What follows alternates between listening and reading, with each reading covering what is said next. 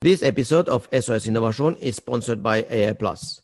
AI Plus is a new international conference with focus on the topic applied artificial intelligence. The digital conference was held for the first time on 15 to 17th of September 2020, and the second edition is set to 19th to 20th of May 2021. And yes, uh, today we are uh, with Egil uh, Bjerkli. He is the Vice President Transformation at Arvato Financial Solutions, proud gold sponsor of the AI Plus conference this year. Hello, Egil. Hi, well, a pleasure to be here. Uh, welcome, of course. Um, Egil, could you tell me a little bit uh, about what Arvato is? Arvato is a, is a huge company, I know it, uh, but not everyone knows how important you are for the financial uh, landscape in this country and in the Nordics. What is Arvato? Yeah, I mean, Arvato or Arvato Financial Solution, it's a part of its international multi-billion company called Bertelsmann. Uh, Bertelsmann is, is an organization with more than 130,000 employees worldwide and has a revenue of more than 17 billion euros. So it's a huge corporation.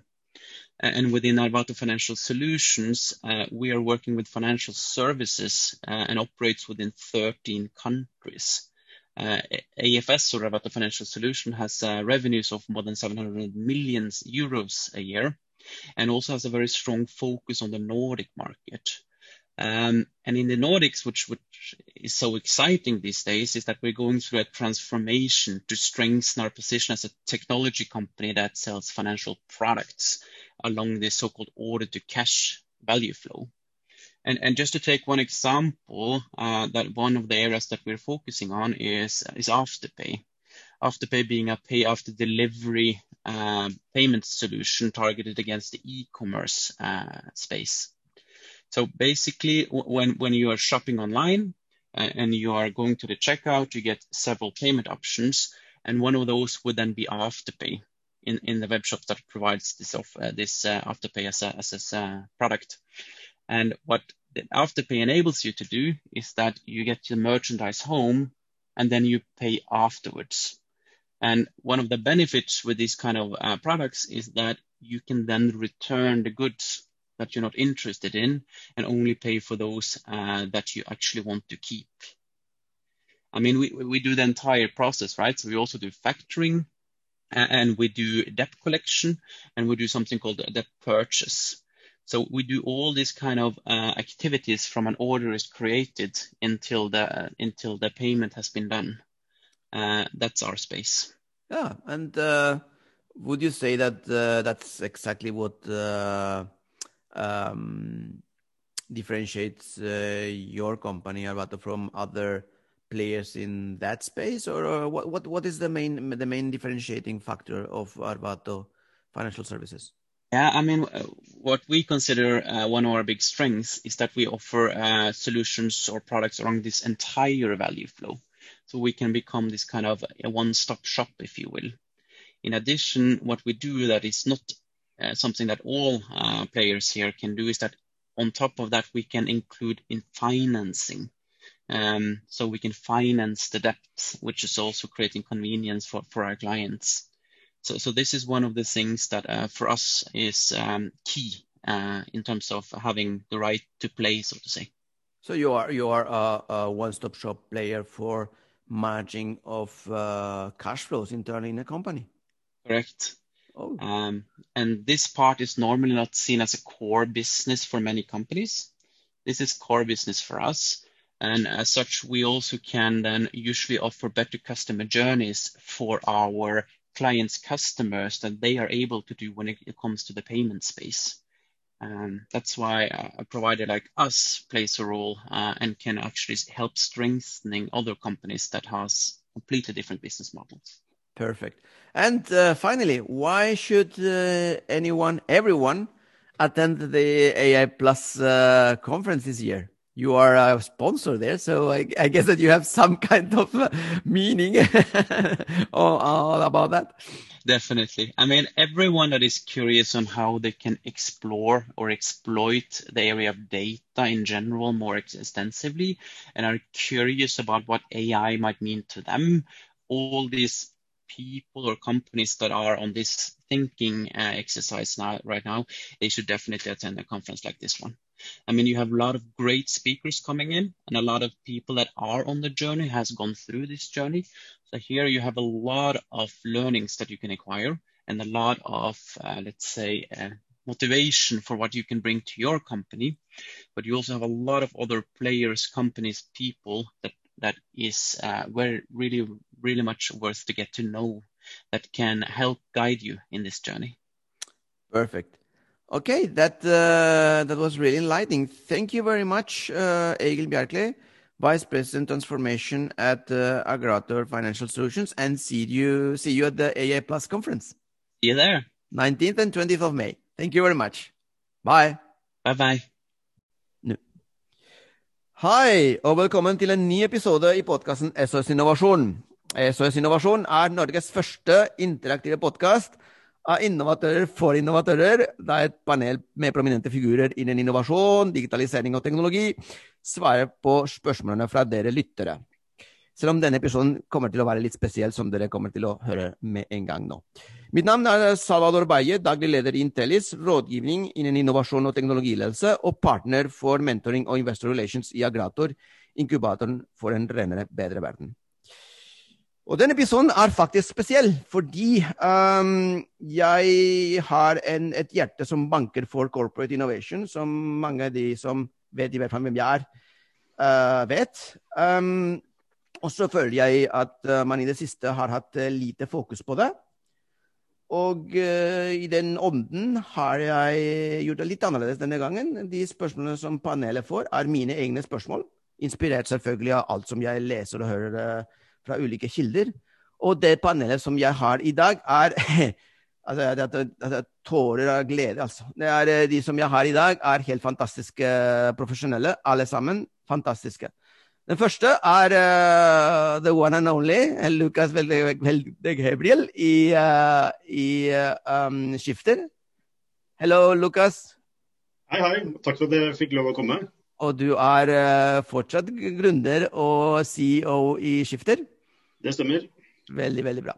Og så har vi uh, Gustav Gorecki. Han er, hold deg fast, Chief Innovation Officer i Storebrand. Hello, uh, hallo, Gustav.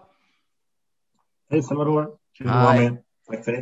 Ja, selvfølgelig. Og vi har Jeg tar rekkefølgen her på skjermen. Dette er Zoom. Joakim. Joakim Marstrander. Joakim Mastrander er uh, partner og head of New Legal i EY. Hei, uh, Joakim.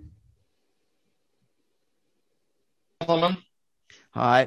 Og så har vi endelig Ane Furu. Hun er head of New Mobility Services uh, ved Møller Mobility Group. Hei, Anne. Hei. Hei. Hei. OK. Um, vi kan gå rett på sak, egentlig, og, uh, fordi vi har ganske mange spørsmål, og de er veldig tøffe alle sammen. Og uh, Det første spørsmålet er uh, hva slags kultur trenger en større etablert bedrift for å kunne utvikle innovasjoner som oppfattes av kundene som virkelig banebrytende? Og her tror jeg nok at du vet, Lukas, at du er førstemann ut. Fordi du, du, var, du, var, veldig åpen, og du hadde en artikkel i Var det en artikkel i Skifte eller på sosiale medier hvor du spurte egentlig hva kultur var for noe? Ja, øh, ja jeg skriver jo Mange svar tror jeg du fikk. Uh, så ja, det, det, spørsmål, det første spørsmålet er til deg. Hvilke, hvilke, hva slags kultur trenger vi for å, for å etablere Altså for, for, å utvikle innovasjoner og tjenester som er reelt ja. oppfattes som banebrytende? Ja, så Først og fremst kan det være greit å måtte, hva, er, måtte, hva er kultur? Eh, og Ofte så betegner man jo kultur som kanskje sånn uskrevne regler, eh, men også skrevne. Eh, altså atferder, eh, ting du gjør når ingen andre ser eh, hva du gjør. Eh, altså hva, hva, er måte den der sjelen da, som, som, som, man trenger, da, som, som måte, i praksis forteller om du er innafor eller utafor i selskapet. Um, og, og, og, det henger veldig, godt, henger veldig, sammen med struktur. Uh, kultur og struktur er to ting som henger veldig godt sammen. Ofte så kan man jo si at en kultur kan enten fremme eller hemme en struktur. At, du, at effektiviteten til strukturen blir bedre av en gitt kultur, eller kan bli dårligere da, av en annen kultur. Så spørsmålet da, ditt da, er jo da hva slags kultur trenger en større etablert bedrift for å kunne eh, utvikle innovasjoner som oppfattes av kunden som virkelig banebrytende. Mm. Og så vil jeg, altså, jeg vil jo sette ting litt på spissen her, da, eh, selvfølgelig. Men, men, jeg mener jo at det er veldig krevende for en stor etablert, eh, altså tradisjonell bedrift. Ikke nødvendigvis stor etablert internettbedrift eller digital bedrift, men en stor etablert altså tradisjonell bedrift å utvikle innovasjoner som oppfattes av kundene som virkelig banebrytende. Fordi det ligger både, både, i deres struktur og kultur å levere på altså dagens eh, topp- og bunnlinje. Det, det, det, de er gode på det de er gode på. De er gode på det de gjør. Eh, og det å gjøre noe som er virkelig banebrytende, er jo, er jo per definisjon noe helt annet. Mm. Så hvordan kan du være hva slags kultur trenger du for det? Så er spørsmålet klarer man å ha en kultur som både gjør én ting veldig godt, men gjør noe annet også veldig godt. Eh, jeg, jeg, jeg, Personlig så tror jeg det kan være veldig vanskelig. Det er ikke umulig, men det er veldig vanskelig. Eh, så da er spørsmålet ikke hvordan skal da etablerte bedrifter eh, altså utvikle innovasjoner som er banebrytende. Det tror jeg også er veldig vanskelig. du gir ikke så mye mat til de stakkars corporations, altså. Nei, altså Det er nettopp fordi at en, en stor etablert bedrift har jo noen, altså, noen har jo noen eiere sant, som skal ha penger. Eh, de skal tjene penger på den bedriften. Eh, så, det, så, man setter jo mål som handler om å vokse relativt OK og tjene penger, rett og slett. og da, det som er virkelig banebrytende, det kan ta veldig lang tid før man tjener noe særlig penger på. Så spørsmålet er hvilken stayerevne har man og, altså for bedriftene. Har man en god stayerevne, og ikke minst Eh, har man stayerevne på de rette tingene? og hvordan vet man at man har eh, riktig stayerevne på de rette tingene? Da? Eh, så det er veldig krevende. Det er veldig krevende for en etablert bedrift å tenke det, da, når hele organisasjonen er rigget for å levere, levere veldig sånn fokusert på det de, det de driver med. Uh, Men hva var konklusjonen din? Det er no, no hope for no hope. Jeg, det er ikke no hope. Jeg, jeg, bare, jeg, skiller, litt, jeg skiller litt mellom, jeg skiller litt mellom uh, altså etablerte, tradisjonelle bedrifter eh, ja. som var drevet eh, fra, før, fra, før, internett. ikke sant? Også, mm. også, og, og, det som er eh, etablerte altså, teknologibedrifter, da. Sånn typisk internettbedrifter. Um, og Google, for eksempel. Google, eh, altså disse Silicon Valley-selskapene, mm. de driver jo med banebrytende innovasjon. Eh, de gjør jo det. ikke sant? Så så Det er ikke noe, det er ikke noe, det er størrelsesissue, uh, men det er mer en, et mindset-issue. uh, og I hvilken grad man er tradisjonell. Men Jeg vet ikke om jeg svarer på spørsmålet, annet enn jeg bare stiller mange spørsmål her. Men jeg, jeg tror det er veldig journalist, kanskje, derfor. jeg, jeg, tror det er veldig krevende. for å si det på en, altså Jeg vet at flere her driver med disse tingene, og det er supervanskelig. ikke sant, det er supervanskelig.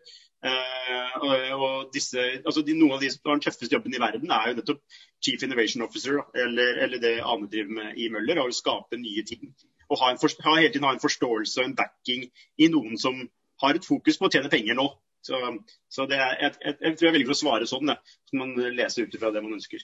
Ja, OK. Men da, da jeg vil høre Anne, jeg. For Anne, dere, dere, har egentlig gått eh, fra en tradisjonell, uh, kall uh, foreningsmodell til en til å være pletoriske med nye uh, tjenester, nye, nye forretningsmodeller, nye produkter. Er, bortsett fra det, jeg håper i hvert fall du ikke er helt enig med, med Lukas. um, hva, hva er samme spørsmål til, til deg? Altså, hva, hva, slags kultur trenger man i en, ja, i en bedrift, en etablert bedrift, for å, for å komme med banebrytende produkter og, og tjenester? I, I mine øyne, i hvert fall har dere klart det. Dere har i hvert fall gått fra den ene forretningsmodellen, et sett med produkter og tjenester, til noe helt annet. Uh, komplementær, men noe helt annet. Uh, hva, hva, oppfatter du er kulturen hos dere i Møller Mobility Group som har gjort det mulig?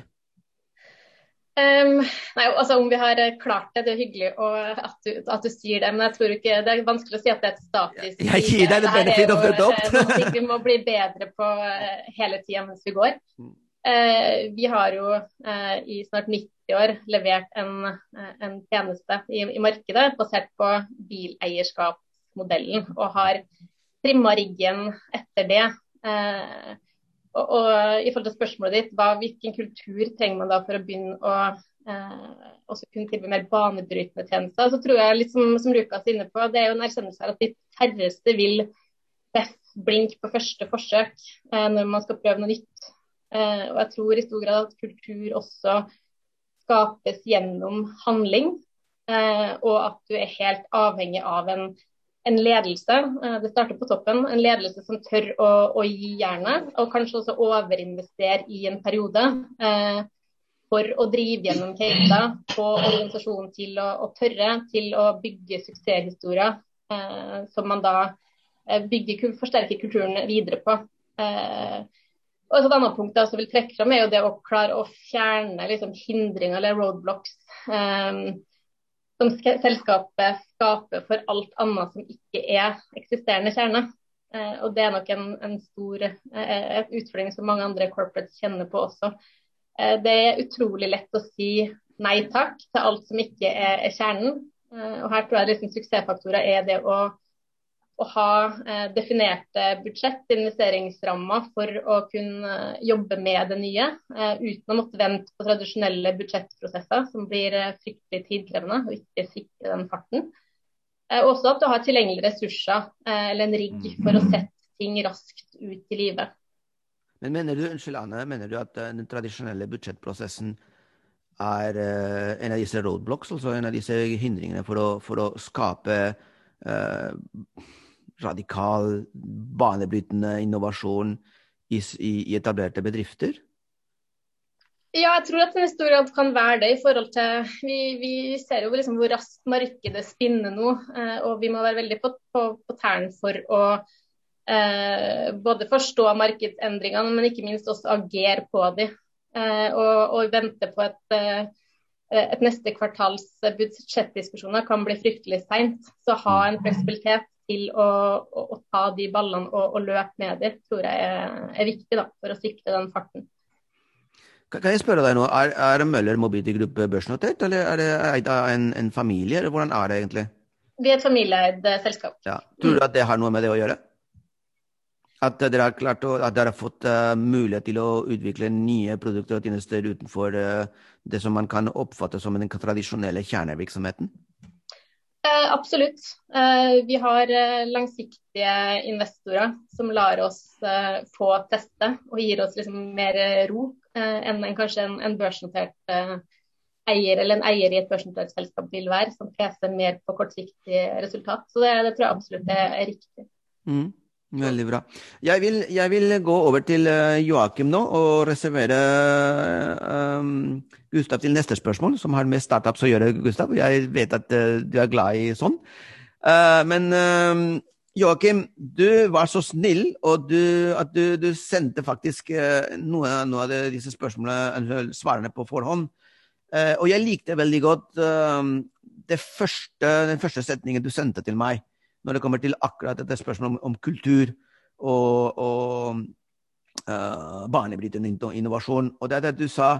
Ved purpose-driven leadership vil relevante innovasjoner komme automatisk. Um, jeg ble litt fascinert av den setningen. Hva, hva mener du med den, med purpose-driven leadership? Og uh, hvorfor tror jeg det, det, kommer til å lede til relevante innovasjoner uh, av seg selv? Endelig! Det er mandag, sier eh, Per Stordalen. Ja. Det er klart det gir en vanvittig kultur inn i hans uh, organisasjon. Alle vil jobbe for å skape Selv en mandag skal være et fantastisk øyeblikk for hotellgjestene hans. Og eh, Bjørn Kjos, han står der, og han er eh, markedsfører hele sitt selskap.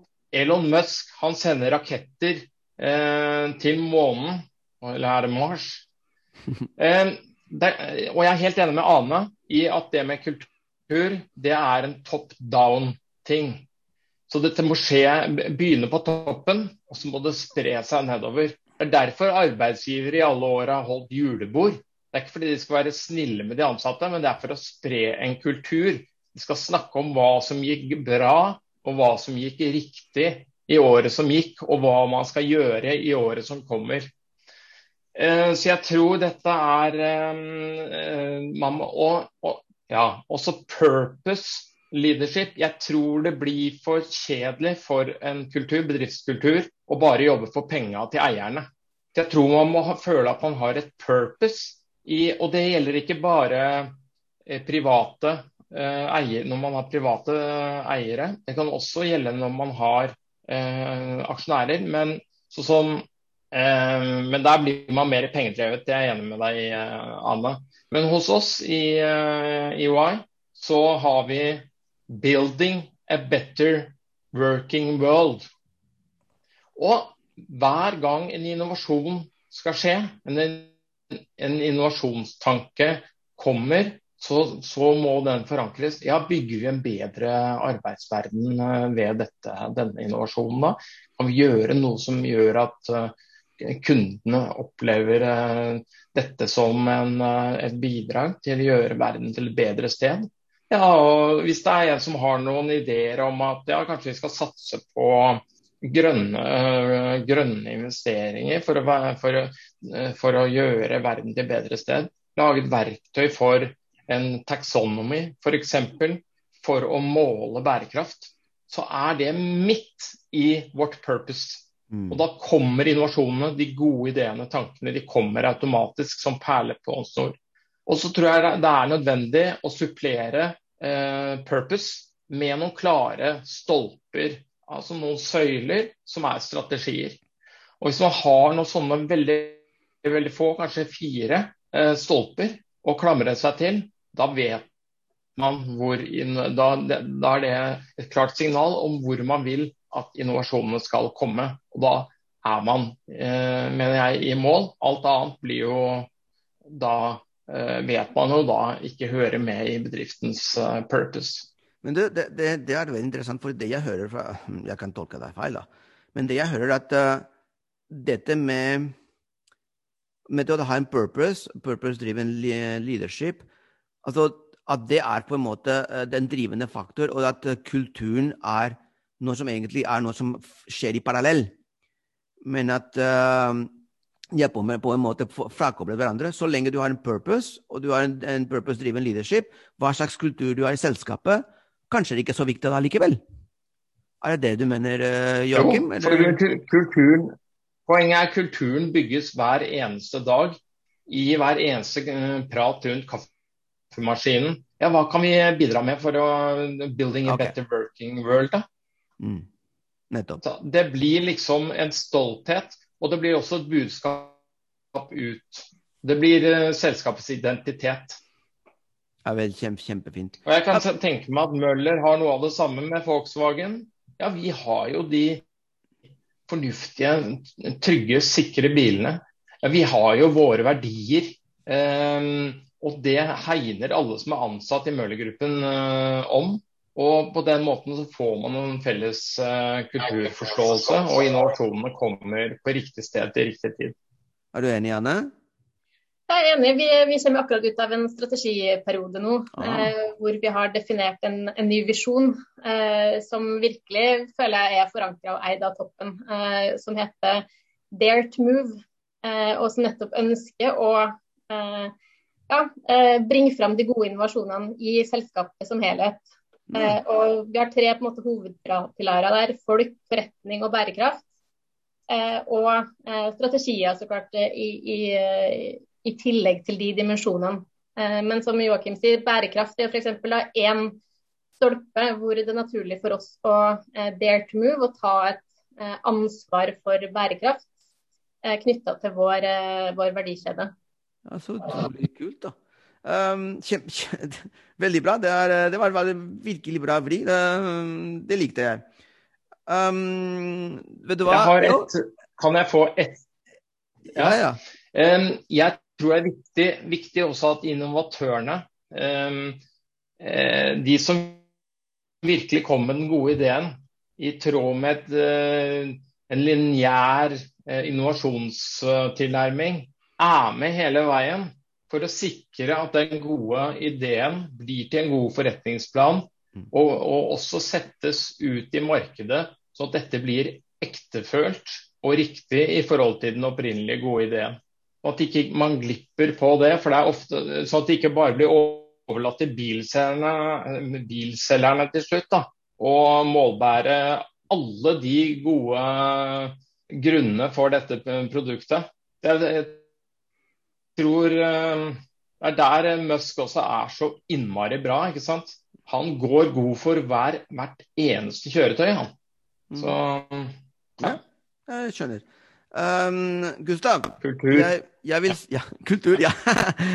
Gustav, jeg vil spørre deg først uh, når det kommer til neste spørsmål, som er uh, Vil startups nesten alltid vinne i kappløpet mot radikal innovasjon? Og ja, selvfølgelig, hva er radikal innovasjon? Og det er mange, mange oppfatninger av hva det er, oppfatninger av hva det er for noe. Men uh, jeg syns den beste definisjonen jeg har lest, er at produkter og tjenester som åpner nye kategorier som ikke eksisterte før, eller øker de oppfattede prestasjonene minst ti ganger. Um, Gustav, du jobber, du er CIO, eh, Chief Innovation Officer. Um, hva mener du? Mener du at startups alltid, uh, alltid vinner kappløpet? Uh, jeg tenker på Dreams, da. Godt spørsmål. Og recap bare kort på kultur och bara för att kommentera det så tycker jag att eh, dels spörsmålet vad är kultur? När vi kartlägger vårt innovationssystem i storband så är det sex komponenter. Och efter att ha läst Lukas eh, reflektioner över vad kultur är så har jag också börjat fundera på det, men egentligen så är ju alla de komponenterna i ett innovationssystem är ju kultur, alltifrån processer till strukturer. Så jag skulle också vilja säga att Storebrand är ett sällskap som har existerat i mer än 250 år, vilket är otroligt imponerande. Så det är ett tecken på att man kan någonting, att man trots allt hänger med i tiden. Kanske inte alltid går så snabbt som man vill, men man hänger trots allt med och överlever. Och vi har i vår innovationsstrategi förra året satt ner foten och sagt att nu fokuserar vi på core. Jag tycker det är viktigt också att erkänna att innovation inte bara är radikal och transformativ innovation, utan det handlar också om core och adjacent. Och för sällskapet som eh, Storbrand och andra så är man i olika faser. Så ibland kan core och adjacent vara viktigt att fokusera på. Och enligt teorin ska man ju fördela 70-20-10. Men just nu så har vi inte resurser att satsa på transformational och eh, radikal innovation. Så vi fokuserar på core och lite adjacent. Det finns otroligt mycket att göra när man går ifrån ett produkt, eh, fokus på finansiella produkter till digitala tjänster och bygga ett tjänstelager på de finansiella produkterna. Så det är en enorm resa man ska igenom. Och eh, det viktigaste egentligen vad det gäller kultur är att få folk att inse vikten av det. Att även Storbrann en gång har varit en startup och att det vi lever gott av idag är resultatet av innovativt arbete. Och det som ett eh, incitament när man måste satsa på nya innovativa tjänster för att ha någonting att leva av imorgon också. Så på spörsmålet vill startups nästan alltid vinna kapplöpet mot de etablerade. När det gäller radikal innovation så avhänger det lite av bransch och tidsperspektiv. Eh, er är en startup f.eks.? Er Är Spotify en startup som startet for 15 år siden, har 6 000 ansatte, mer än eh, tre ganger så mange som Storebrand? Ja, de er ikke en startup lenger, det, det kan jeg bare underskrive. Det. Nei, så jeg syns at eh, er kanskje mer relevant å prate om det som Lukas sa, at skillnaden mellom de som startet før og efter internett, digital natives, de som har det i blodet.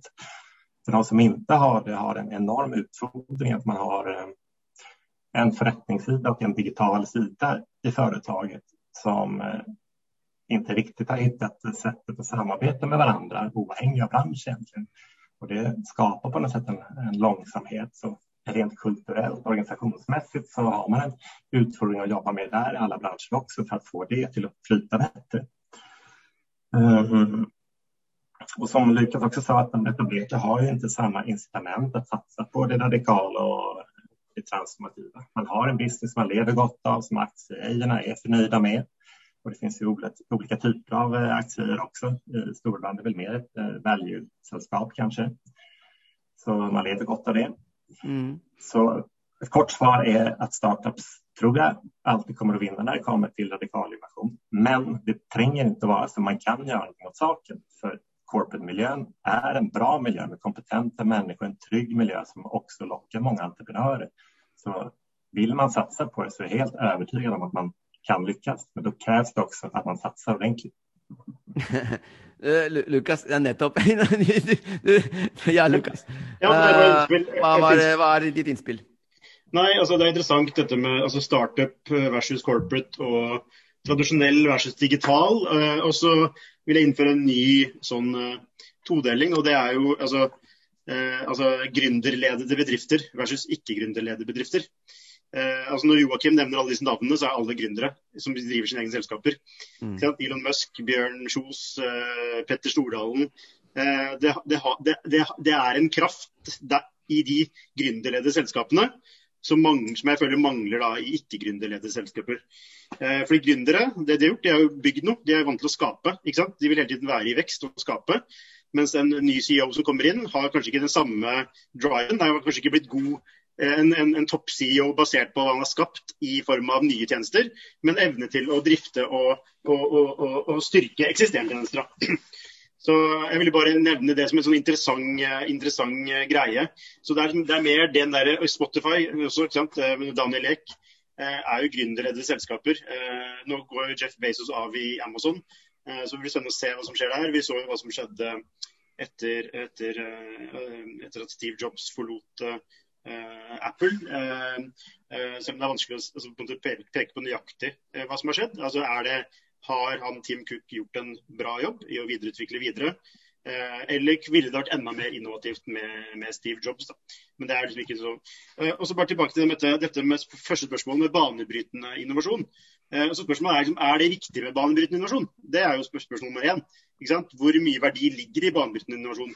Den ligger veldig langt fremme. og det, altså, Verdiuthentingen er langt frem i tid. Og er det, er det etablerte selskapers oppgave å drive med banebrytende innovasjon? Eh, jeg, jeg, kan Gustav sier at de fokuserer på kjernen, så tenker jeg at det er utrolig smart. Eh, og heller forbedre kjernen og tilpasse kjernen til en ny virkelighet. Istedenfor at man skal drive da, eh, ban så banebrytende. Det har blitt sånn greie at man, man må være så banebrytende. Men jeg tror, jeg tror, det er vanskelig for et etablert selskap å være banebrytende. Mye vanskeligere enn en startup som ikke har noe legacy. ikke sant? Eh, så, så er det et mål? Er det et mål å være innovativ overhodet? Altså, jeg mener det ikke er det. Det er ikke, wow. Men det er ikke et mål å være innovativ. Altså, målet er at du, selskapet ditt fungerer, og at du kan fungere i fremtiden. Men, men, det er jo som man måler hverandre på innovasjon, som jeg syns er veldig tullete. Det handler mer om å legge til rette for å klare å opprettholde altså, inntekten man har i dag, men også i fremtiden. Da. Og hva skal man gjøre for å og Må man være så banebrytende? Ikke, ikke nødvendigvis. Eh, og, og, så jeg tenker jo mer at man må, det man må bli flink på, er jo partnerskap. Eh, F.eks. med startups etc., som er gode på det. Å hente den verdien, sånn som Storebrand gjør da, f.eks. Med, med, med, med, Dreams. Og jeg forstår også at Møller har gjort dette med Hyre. Eh, eller, altså, det, er vel, det, er vel, internt. Men det er, de har insentivstrukturen til en startup som jeg syns er veldig spennende. Um, men du, uh, Anne, jeg, jeg, kommer tilbake, uh, jeg kommer til deg med en gang. Men, uh, men det, som, det, som, er interessant, Lukas, og, og, det som også um, Joakim sa, det er det drivkraften som er i en gründer. ikke sant? Og de som, de som, de som er startet selskapet, som, som, ser på det selskapet som en del av dems. Um, men jeg har vært med i, en, uh, i et corporate innovation-miljø. Og jeg kan love dere at folk som jobber i sånne corporate innovations-miljøer, som blir tildelt Eller de, egentlig de som starter selv en, uh, en idé, en ny forendringsområde, som kanskje ikke nødvendigvis må være kjernevirksomhet, i kjernevirksomheten, de ser på det der også som sin egen baby og kommer til å kjempe mot alt mulig rart som skjer i en corporation for å få det gjort. Så den, den, den um, Det er en uh, Jeg er helt enig i at uh, verdien ligger veldig i at uh, du har en champion, noen som føler, føler at den nye ideen, den forretningsområden, den nye produktet, den nye tjenesten er, er deres også. Men hva, hva, hva, er din take på dette her, Anne, som, eh, som er eh, på en måte leder en sånn, en sånn type corporate innovation, ikke i kjernemiljø? Nei, jeg tror, eh, For å spinne litt videre på, på det både Gustav og Lukas har vært inne på her også, eh, Innovasjonsbegrepet kan fort bli sånn fremmedgjørende. Det handler liksom om, om utvikling eh, og om innovasjon er nødvendig. Eh, tja, jeg tror utvikling er nødvendig i dag for å henge med, for å kunne tilby attraktive produkter og tjenester til kundene, og utnytte også økosystemet i omgivelsene som, som endrer seg stadig. Så en endring må til, enten om det er kjerne eller det nye. Eh, hos oss også så har vi jo stor fokus på innovasjon eller inkrementell innovasjon i, i kjerne. Eh, det er masse å hente der. Og, og, lykkes med det er også viktig for å kunne finansiere det, det nye som kommer. Så det er en viktig balanse å ha med seg. Eh, og så kan vi ta et eksempel fra, fra vår reise. Eh, vi sto jo tilbake i 2017 og så at eh, bilen eh, kom til å gå fra å være et produktsalg til å kunne bli et tjenestesalg. Det var noe helt eh, nytt for oss. Eh, vi så bildeling som et naturlig startpunkt for å begynne å, å teste og lære hva et sånn type tjenestesalg innebar.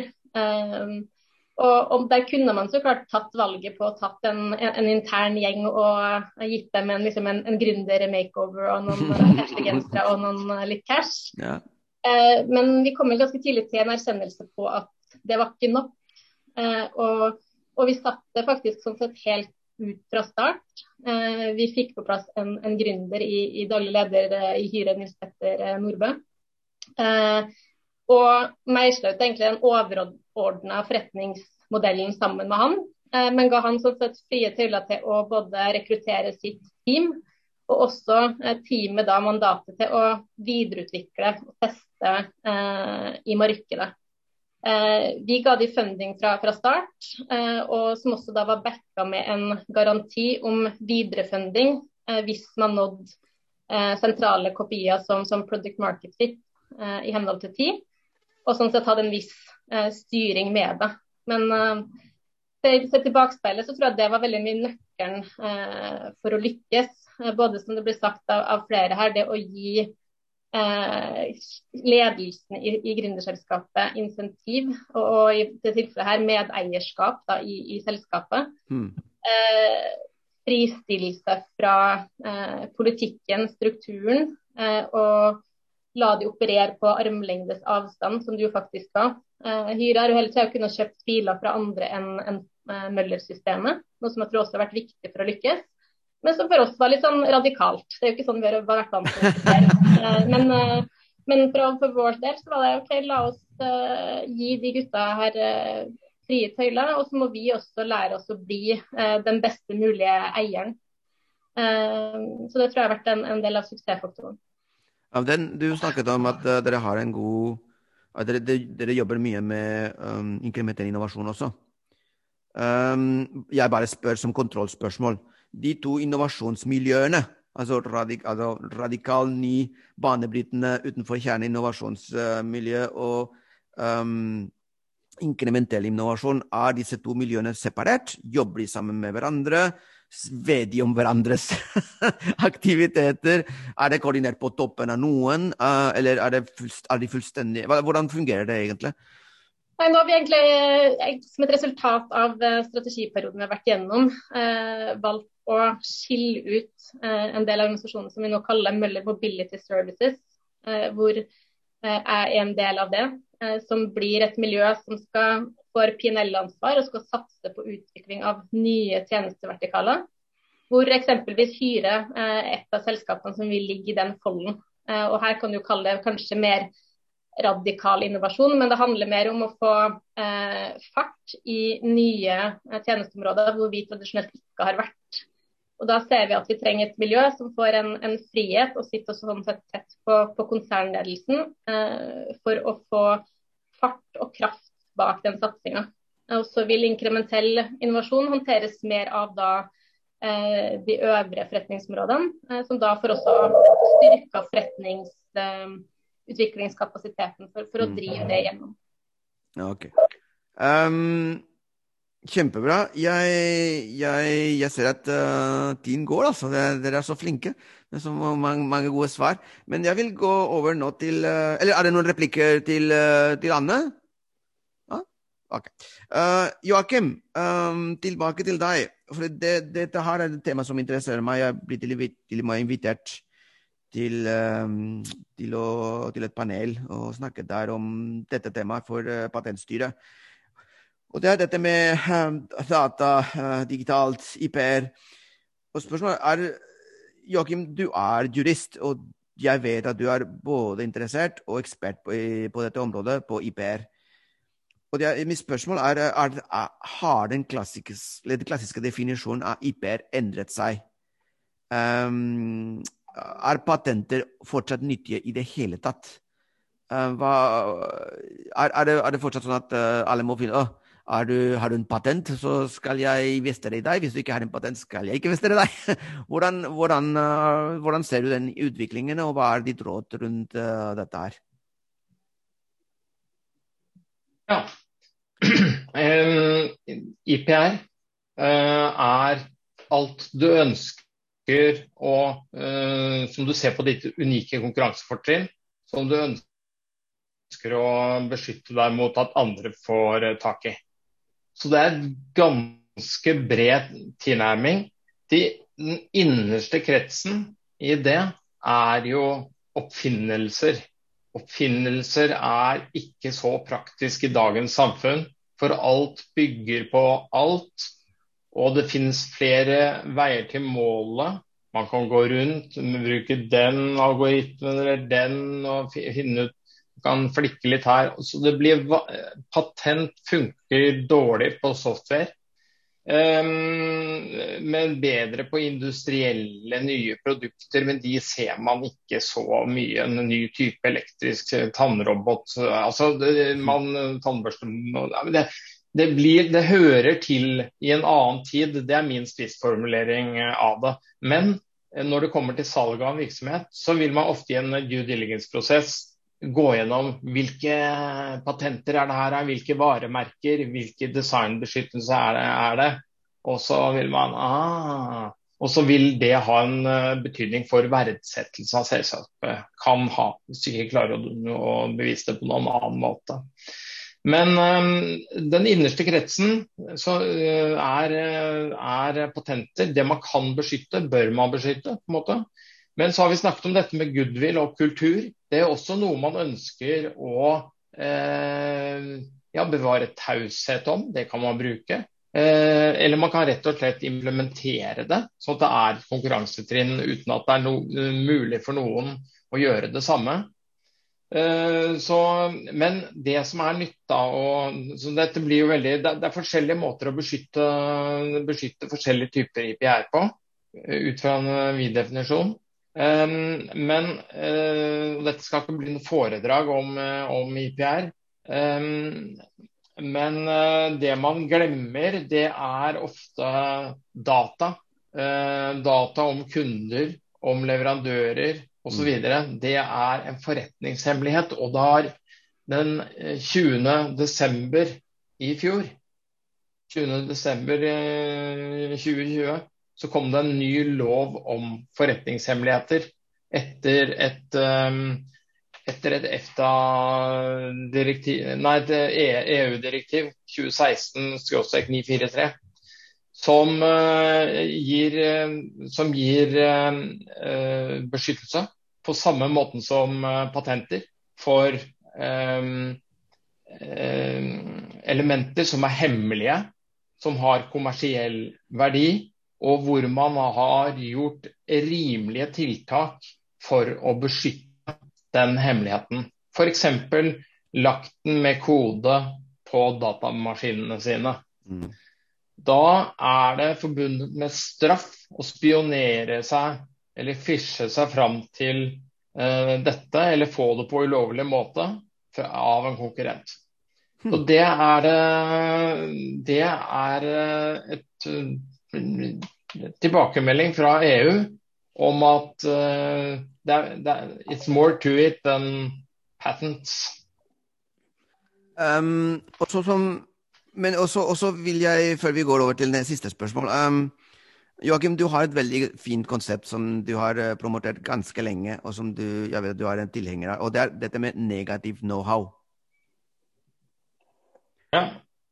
Det er, det er fascinerende. En, kan du eh, snakke om det der litt? Ja, know er jo all den kunnskapen eh, du sitter med om hvordan ting eh, funker. Eh, det gjelder alt vi driver på med. Men det jeg kaller negativ know er all den kunnskapen vi sitter med om hvorfor ting ikke funker. Det er også noe som du ikke vil at hvordan, altså Når jeg gjorde feil, jeg vil jo at konkurrenten skal gjøre den samme feilen. Aha, det gjorde vi, kan jeg tenke nå om om da jeg satt i Deloitte. La dem holde på med de greiene der. Det, det funka ikke. Og da er det viktig at ikke Deloitte får tak i den uh, informasjonen når jeg nå sitter i EI. Um, så det er det jeg kaller en negativ um, uh, know-how, og den kan beskyttes ved at jeg forplikter meg til å ikke snakke om det gjennom et skriftlig avtaledokument, eller at man legger den typen uh, negative testresultater f.eks. Uh, uh, i en lukket fil. Mm. Da er det en uh, type forretningshemmelighet som er beskyttet under norsk lov nå. Ha, veldig bra. Um, Gustav, jeg, har, uh, jeg vil uh, ta et siste spørsmål med, opp med deg. Um, og dette er det med, som, som Lukas har, har, nevnt før. hva kan man gjøre for at startups og etablerte bedrifter kan jobbe bedre sammen? Og så spørsmål, altså spørsmålet er Noen ganger så får jeg inntrykk av at det eneste som fungerer, er at det store, bedriften, den større bedriften kjøper opp enten delvis eller helt startupen. Um, hva er din take rundt det der? Jeg tenker litt på Dreams og hvordan det startet og alt det der, hvis jeg husker det riktig. Men hva, hva, hva er din take, uh, Gustav? Min take er at um, det er et område, et partnerskap, som uh, företag fokuserar på tok för lite på. Eh, det går lite vågor. Plötsligt så ska alla samarbeta med partners. Eh, så bjuder man in 15 åt gången och så går det åt helvete med alla partnerskap. Men eh, vi har väl istället försökt att starta med en och lära oss väldigt mycket av det. Och i långsam takt bygga ut det. Så nu har vi 6, 7, 8 olika digitala partnerskap med startups. Och primära insikten i det är en central del i vår innovationsprocess är att alltid ställa spørsmålet ska vi utveckla det själva eller är det bättre att ingå partnerskap? För den spørsmålet ställer man sig sällan och det är extra extra viktigt i små länder som Norge och Sverige. Jämför man med Kina med 1,3 miljoner människor så har man ett helt annat befolkningsunderlag och slut den extremt dyra digitala utvecklingen på. Mm. Och den digitala utvecklingen är exakt lika dyr i Norge som i Kina mm. för en digital tjänst. Men du kan bara slå ut det på kanske 20 procents marknadsandel på en fem miljoners befolkning max. Så det är ett, ett helt annat utgångsläge som gör att partnerskapsfrågan blir betydligt mer relevant i länder som Norge och. Så uh, jag tycker definitivt man ska fokusera mera på det och uh, också jobba där med insikten varför partnerskap är viktigt. För att lyckas med det så måste man eh, inte, man måste betrakta det likestilt. Så du kan inte prioritera hela tiden intern utveckling framför partnerskap utan de måste prioriteras på, på samma nivå. Och du måste jobba med OKRs samman med din partner så se att du eh, hela tiden har en agenda som ni jobbar samman med att få till. Mm. Så det är mycket man kan jobba med. Men eh, ja, Lukas, jag skulle egentligen gå till dig. Uh, um, Lukas, jeg leser skifter. ja, det er bra. ja, du vet at jeg gjør det. Og da, Jeg leser masse med sånn partnerskap her og partnerskap der, og, og oppkjøp her og oppkjøp der. og Du, du, du ser det, altså, du ser det Du har det overblikket som kanskje de aller fleste ikke har. Hvordan, hvordan ser du at eh, den, den partnerskapet, den, den, den narrativet om partnerskapet, samarbeid altså må det gå gjennom en, oppkjøps, en oppkjøpsprosess, ellers er det veldig kortvarig? Eller hvordan, hvordan, hvordan fungerer det egentlig? Nei, altså det må ikke det. Eh, og det funker, eh, det også. Men altså, en ny brannfakkel altså, jeg, jeg, tror det er sånn tullete å fokusere på startup corporate samarbeid, for å være helt ærlig. Altså, det, må være et, det, må være, det må være et partnerskap som funker for begge parter. Enten det er en corporate, eh, corporate enten det er startup corporate, startup startup etc. Jeg, hadde, jeg spilte en ny episode i podkasten vår tidligere i dag med uh, Jonas uh, i Easy, altså ladeboksen Easy. Altså, og de har, de, har, de et partnerskap bl.a. med Circle K og med Tibber. så de har, de har, både corporate startup-samarbeid og de har startup-startup-samarbeid. det interessante der er jo at altså det som gir mest effekt for dem, er startup-startup-samarbeidet. Det får mye bedre kvalitet på, men, men det er egentlig litt sånn irrelevant. Poenget mitt er at jeg syns ikke det er irrelevant. Det har kanskje noe med kultur å gjøre? Ja, altså, altså Hovedpoenget her er at uansett hvem du skal samarbeide etc., så må partnerne de må, de, må, de må, tilby en unik verdi som har en direkte effekt på partners topplinje. Altså, det er basically det, liksom. Eh, så kan du ha masse narrativer og masse greier du må gjøre osv., men det betyr egentlig ingenting. Så, så, lenge det ikke er en sånn vinn-vinn-situasjon, eh, så, så, betyr det egentlig ingenting. Eh, og da vil det ikke funke. De fleste tilfeller så vil, så vil det ikke funke. Eh, jeg tror det er veldig smart å begynne med altså Én ting er jo partnerskap med innovasjonsavdelingen i et selskap. men En annen ting er, som jeg tror eh, mye på, er jo partnerskap med kjernen, kjernevirksomheten, eller med, med linja i organisasjonen hvor det, er sånn, det har en direkte effekt på, dette, på denne linjas eh, topplinja. eller sånn, det, det, å bruke dette produktet. Altså, ideelt sett bør jo startup-produkter være innovative. De bør, jo, de, bør jo, være unike på en eller annen måte. Så, så, så det, det, er egentlig bare basic business eh, som har blitt, blitt sånn altså, Forkludra litt av sånne ulike ting man skal gjøre. Da, mm. eh, eh, og som jeg egentlig ikke altså, vi har selv vært i samtale med masse corporates på samarbeidet, men det er, bare, altså det er 99, 99 av tiden kaster vi bort tiden vår. Helt, helt enkelt. Eh, for en annen ting, altså Det corporates kan bli, altså det startups blir gode på, er å selge produktet sitt ikke sant? bedre. Mm. Være tydelig på hva som kommer verdien i produktet etc.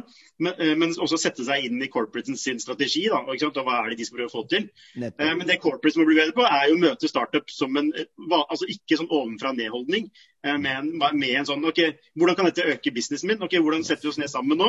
og så sørger, for Jeg har veldig tro på at produktet vil øke businessen min. ok, Hvordan sørger vi for det da, sammen? F.eks. Liksom som Storebrand gjør da med, med, med Dreams. Da, at man, jobber, man faktisk går inn i det. Velg heller ett partnerskap som du går ordentlig inn i, istedenfor å snakke med altfor mange, som er sånn strategien til Storebrand. Så poenget mitt er at La oss slutte å snakke om startup corporate-samarbeid. og La oss bare være smart, la de selskapene som er smarte og tenker partnerskap, gjøre det. Og så finner de vinn-vinn-situasjoner, og så lykkes de med det. Enkelt og greit. Ja. Ok, Kjempefint. Um, jo, vet du hva? Um, tiden har gått utrolig fort. og vi må dessverre, dessverre avslutte podkasten. Um, med disse kloke ordene fra, fra Luka Gabriel i, i, Luka, uh, unnskyld, i Skifter. Um, jo, jeg skal bare da uh, takke Anne Furu, uh, Head of New Mobility Services at uh, Møller Mobility Group. Takk skal du ha, Anne. Så, ja, så Joakim uh, Marstrander, partner and head of New Legal i EY. Takk skal du ha, Joakim. Um, og så takk skal du ha, Gustav Goreski, Goreski som er Gorecki Gustav Galecki, som er eh, CIO i uh, og det betyr at Chief Innovation Officer, slik at ingen, uh, ingen lurer eller glemmer, uh, i Storebrand. Og selvfølgelig uh, Lukas Welde Hebriel i, i Skifter. Altså co-founder og CEO, ikke minst, i Skifter. Tusen takk, alle sammen. Og nå er det tid for episodens featured. Takk skal dere ha. And yes, uh, today the featured startup is, uh, or in a way, a startup, but it's not. now, today we are uh, interviewing Jennifer Vessels, and uh, she is Jennifer. You have to correct me if it's wrong, but uh, you are the CEO of and and main organizer of the EGA network of professionals. Uh, is it true? Am I wrong? you're, you're, very close. Very you're close. Very Good. Close. yes. So I'm delighted to be here. I'm indeed Jennifer Vessels. I tend to call myself a future ready innovator, meaning I change and grow and adapt quite a bit every given day. I uh, lived in Norway many years ago and now am primarily, usually outside of COVID, based in Silicon Valley and have a consulting company called Next Step that helps organizations scale and grow and then transform. We've done tons of work with the Microsofts, Googles, Adobes of the world in business transformation. And one of the things I've, I've learned through that is that change and shifting culture, shifting the way you do business, shifting business model is really difficult for organizations.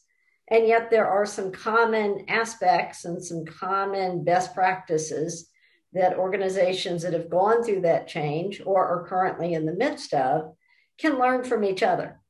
So, based on that, about four years ago, I and a few of my colleagues founded something called the Executive Growth Alliance, which is a global community where we bring together leaders in typically mid-sized to large companies, leaders that recognize the need to adapt, the need to change, to be what we call future ready. Hmm. And we bring them into small groups of six to 10 people that have common challenges. Maybe it's companies in the transportation industry, the health industry, the service industry that are all trying to figure out how do we service consumers differently? Because the way we've done so prior mm-hmm. to the pandemic doesn't work anymore. Exactly. And there's different ideas, different products and services, but how do you transform? How do you shift? How do you gain trust with consumers? That's the same. Uh, do, do, do you do you mix the uh, people from different um, uh, branches, different uh, businesses? Uh, for example, as you said, one from transportation, the other one from uh, groceries, or mm-hmm. or do you have circles specialized in one and one industry? I, actually both, and and we really curate, if you will, the the members in a circle around a common challenge. Ideally, it's a common challenge or opportunity they want to build together and have as diverse of perspectives as possible. This is all done through a purpose built platform called Circles. And so that really allows us to gain diversity of different backgrounds and geographies. Hmm. So, for example, how do we transform the way we serve customers with okay. that mix of industries?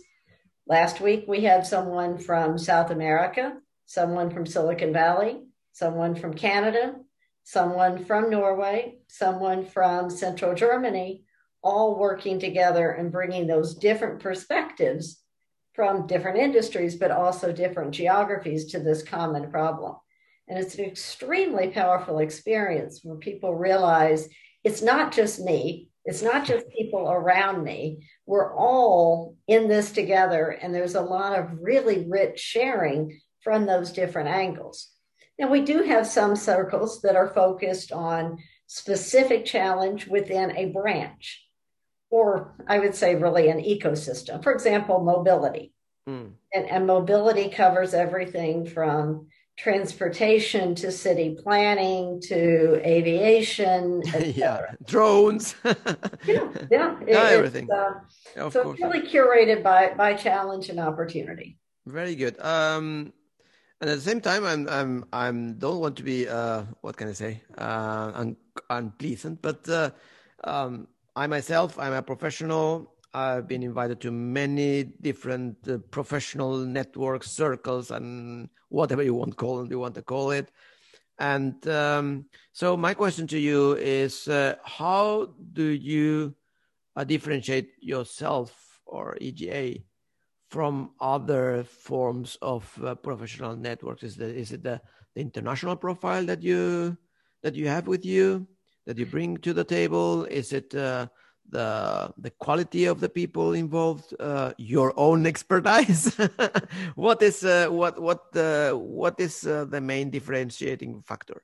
Yeah, so I guess you know if you kind of look at what what do we what do we do, what do we have that is different? I mean, a we've taken methodology in how we run these circles. We've taken proven methodology from peer learning combined with methodology around how do you change so it's blending peer learning, how do you change, and blending it on an international global platform. So the, the methodology we use in these executive growth circles, as we refer to it, is is unique. Um, so that's one one big difference. Um, I would say compared to something like a networking group, we're almost completely the opposite because when I think networking, it's I want to meet as many people as possible, get exposure, chat about lots of things. Yeah, get very typical things. We are completely the opposite. When when you come into the EGA community, now there's 200 people in the community, but the time you spend and the work you do is in small circles, mm.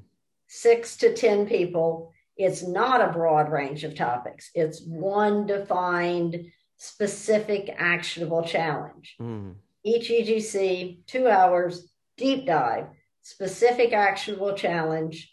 What are you learning about that? What do you commit to take action on? And you come back. And that's another huge differentiator is, is we build in accountability for really doing something. Yeah, this so they, they, they get they get some some homeworks to do.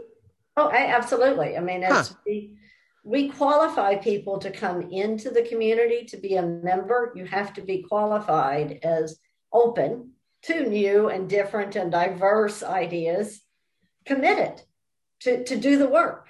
If you're going to be future ready and you're going to change, you have to leave each EGC with commitment to take action. Because we really learn in the real world. We mm-hmm. don't learn sitting on one of these platforms. We gain insight, we may get inspired, but we learn when we go out and actually apply it. So you have to be committed to apply your insights and then come back into the next EGC sharing what did you learn in the real world when you tried to do that. Okay. So it's a very, very nice. different structure. Yeah, I, I, I, get it. Um, and my final question is, uh, what's up uh, with the future? what uh, what are ne- the next steps for uh, for AG, EGA? And what, do you have plans, concrete plans for the future? Do you have some kind of vision that you want to accomplish? Or do you need something? Do you want something to, to say or to announce? The stage is yours, uh, Jennifer. Okay, I, I, guess yeah, yes to all of those things. So, so EGA, we have a huge opportunity for growth. I mean, we going back four years ago, I had the vision that all organizations need to change and adapt for the future. So this is a way of supporting them in doing that. I mean, now that we've gone through the pandemic, the the, the there's complete awareness of change must happen. So we are very much poised on lots of growth in that global community with leaders in these mid-sized to large organizations. But we're also building a specific set of circles for small to mid-sized enterprises.